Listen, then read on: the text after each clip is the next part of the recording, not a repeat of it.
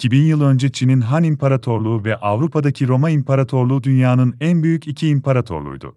Bu iki imparatorluk dünya yüzeyinin muazzam bir miktarını ve dünya nüfusunun büyük bir yüzdesini kapladılar. Ama bu iki büyük imparatorluk birbirlerinden haberdar mıydı? Eğer öyleyse, aralarında herhangi bir temas var mıydı? Bu iki büyük antik imparatorluğun birbirleriyle nasıl etkileşime girdiğini Ağı Podcast Her Şey Her Yerde'nin bu bölümünde birlikte öğrenelim.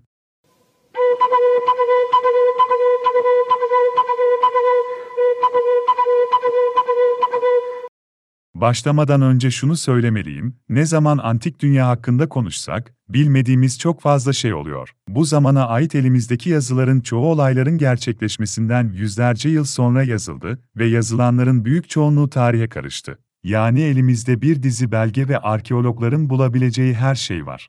Bununla birlikte, Çin ve Roma'nın birbirlerinden haberdar olduklarına dair yeterli kanıt var. Ama bu birbirleri hakkında çok şey bildikleri anlamına gelmez. Bildikleri çoğunlukla söylentilerden, efsanelerden ve hikayelerden oluşuyordu. Ki imparatorluk arasında herhangi bir doğrudan temas olduğuna dair çok az kanıt var. Sadece aralarındaki çöller, dağlar ve denizler ile muazzam mesafelerle ayrılmakla kalmadılar, aynı zamanda aralarında çok büyük ve güçlü krallıklar ve imparatorluklar da vardı. Özellikle de bugün İran ve Irak'ın çoğundan oluşan Part İmparatorluğu, Partlar, Çin ile Roma arasında bir aracı olarak hizmet etme konusunda çok kazançlı bir işe sahipti.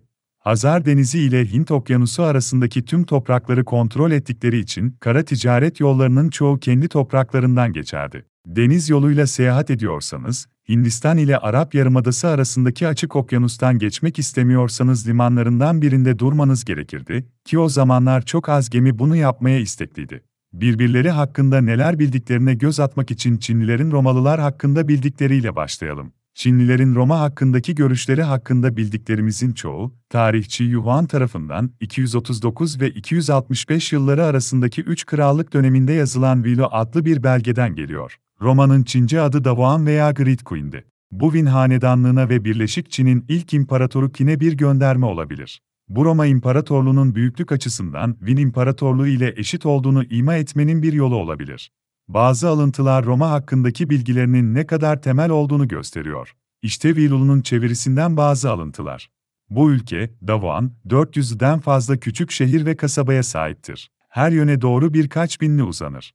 Kralın başkenti, yani Roma şehri, bir nehrin ağzına, Tiber'e yakındır. Şehrin dış surları taştan yapılmıştır. Roma'nın bu tanımı o kadar geneldir ki, Avrupa'daki hemen hemen her şehir ve hatta Asya'nın çoğu için geçerli olabilir. Ve şöyle devam ediyor, bu ülkenin hükümdarı kalıcı değildir olağan dışı bir olaydan kaynaklanan felaketler olduğunda onu habersiz bir şekilde değiştirirler, erdemli bir adamı kral olarak atarlar ve kızgınlık göstermeye cesaret edemeyen eski kralı serbest bırakırlar. Bu muhtemelen konsüllerin bir yıllık dönemler için seçildiği Cumhuriyet dönemindeki Roma sistemine atıfta bulunuyor. Fakat Vilu yazıldığında, bu durumun üzerinden birkaç yüzyıl geçmişti. Vilu, neden Roma ile doğrudan temas kurmadıklarını bile açıklıyor hep Çin ile iletişim kurmak istemişler ama kazançlarını kıskanan Partiyalı Aung ve geçmelerine izin vermemişti.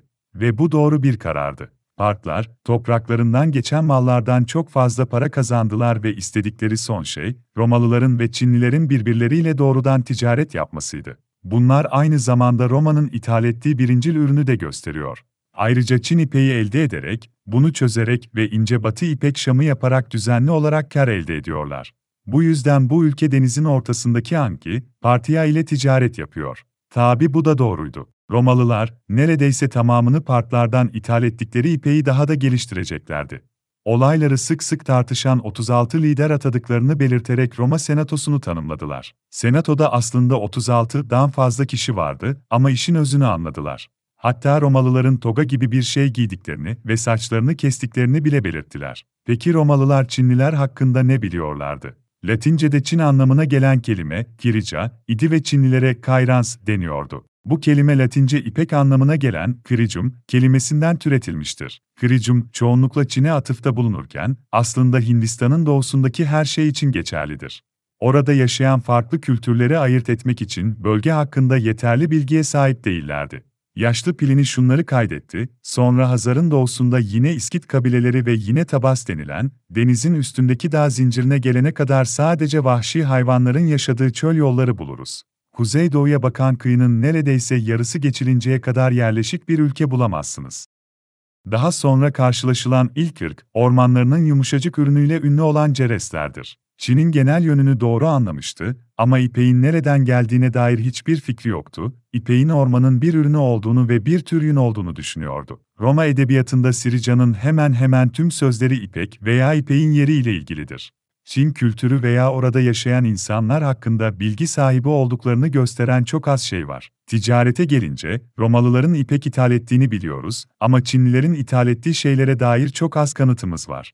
Muhtemelen Roma menşeli çok az şey ithal ettiler çünkü Roma'nın ihraç ettiği malların çoğu şarap, buğday ve maden cevher gibi hacimli mallardı, bu da Partiya'ya ulaşacak ve ötesine geçemeyecekti. Te yandan, Çin'de bazı Roma mallarının bulunduğunu gösteren bazı yeni keşifler olmuştur. Roma sikkelerinin bulunduğu Viyan mezarları da dahil olmak üzere birçok buluntu ortaya çıkarılmıştır.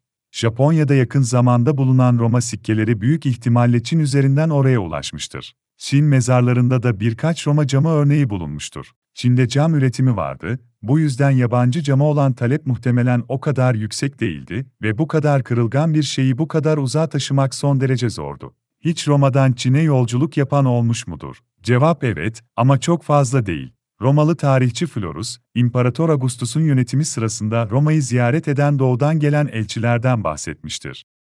Dünyanın imparatorluğa tabi olmayan diğer ulusları bile onun ihtişamının farkındaydı ve ulusların büyük fatihi olan Roma halkına saygıyla bakıyorlardı. Böylece İskitler ve Samarlar bile Roma'nın dostluğunu kazanmak için elçiler gönderdiler. Dik güneşin altında yaşayan Kızılderililer de değerli taşlar, inciler ve fillerden oluşan armağanlar getirdiler ama bütün bunların üstlendikleri ve dört yıl sürdüğünü söyledikleri yolculuğun büyüklüğünden daha önemsiz olduğunu düşünüyorlardı. İşin aslı, bizimkinden başka bir dünyanın insanları olduklarını görmek için ten renklerine bakmak yeterliydi. Han İmparatorluğu'nun hiçbir belgesinde Roma'ya resmi bir delegasyondan bahsedildiğine dair bir kayıt yoktur, bu yüzden bunlar muhtemelen sadece kendi başlarına hareket eden tüccarlardı. 97 yılında, Batı'yı keşfetmek için Ganying adında bir han elçisi gönderildi. Elçi Partiya'ya geldi, ancak Partlar bunun tehlikeli olduğunu ve Roma'ya ulaşmasının iki yıl daha süreceğini söyledikleri için onu daha fazla batıya gitmemesi için ikna ettiler. Çinlilerin Roma hakkındaki bilgilerinin çoğu muhtemelen Ganyi'nin yolculuğunda öğrendiği ikinci el bilgilerden geliyordu. 166 yılında Çin'e gelen bir Roma heyeti vardı. Han kayıtları, İmparator Antoninus Pius veya evlatlık oğlu İmparator Marcus Aurelius olduğuna inanılan Andun adlı bir imparator tarafından gönderildiğini gösteriyor. Elçilerin güneyden deniz yoluyla seyahat ettikleri ve bugün Vietnam üzerinden Çin'e girdikleri söyleniyor.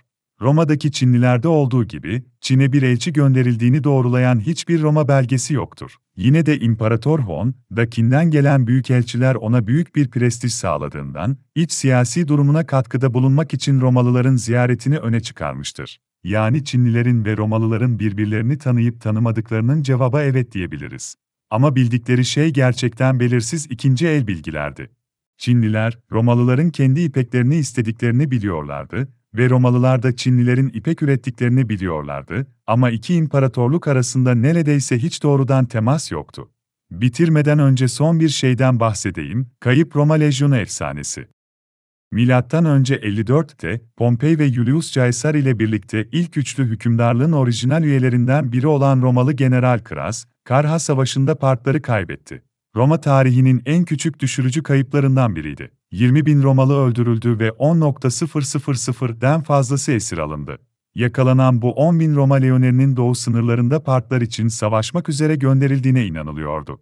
Çinli General Bangu, askerlerin korunmak için kalkanlarını birbirine kenetlediği Roma testudo düzenine çok benzeyen, balık pulu düzenini kullanan yaklaşık 100 adamla savaştığını bildirdi. Çin'in Nikın köyünde 20. yüzyılda başlayan bir efsaneye göre buradaki insanların bir kısmı Karay Savaşı'ndan sonra Çin'e giden bu Roma lejyonlarının soyundan gelmektedir.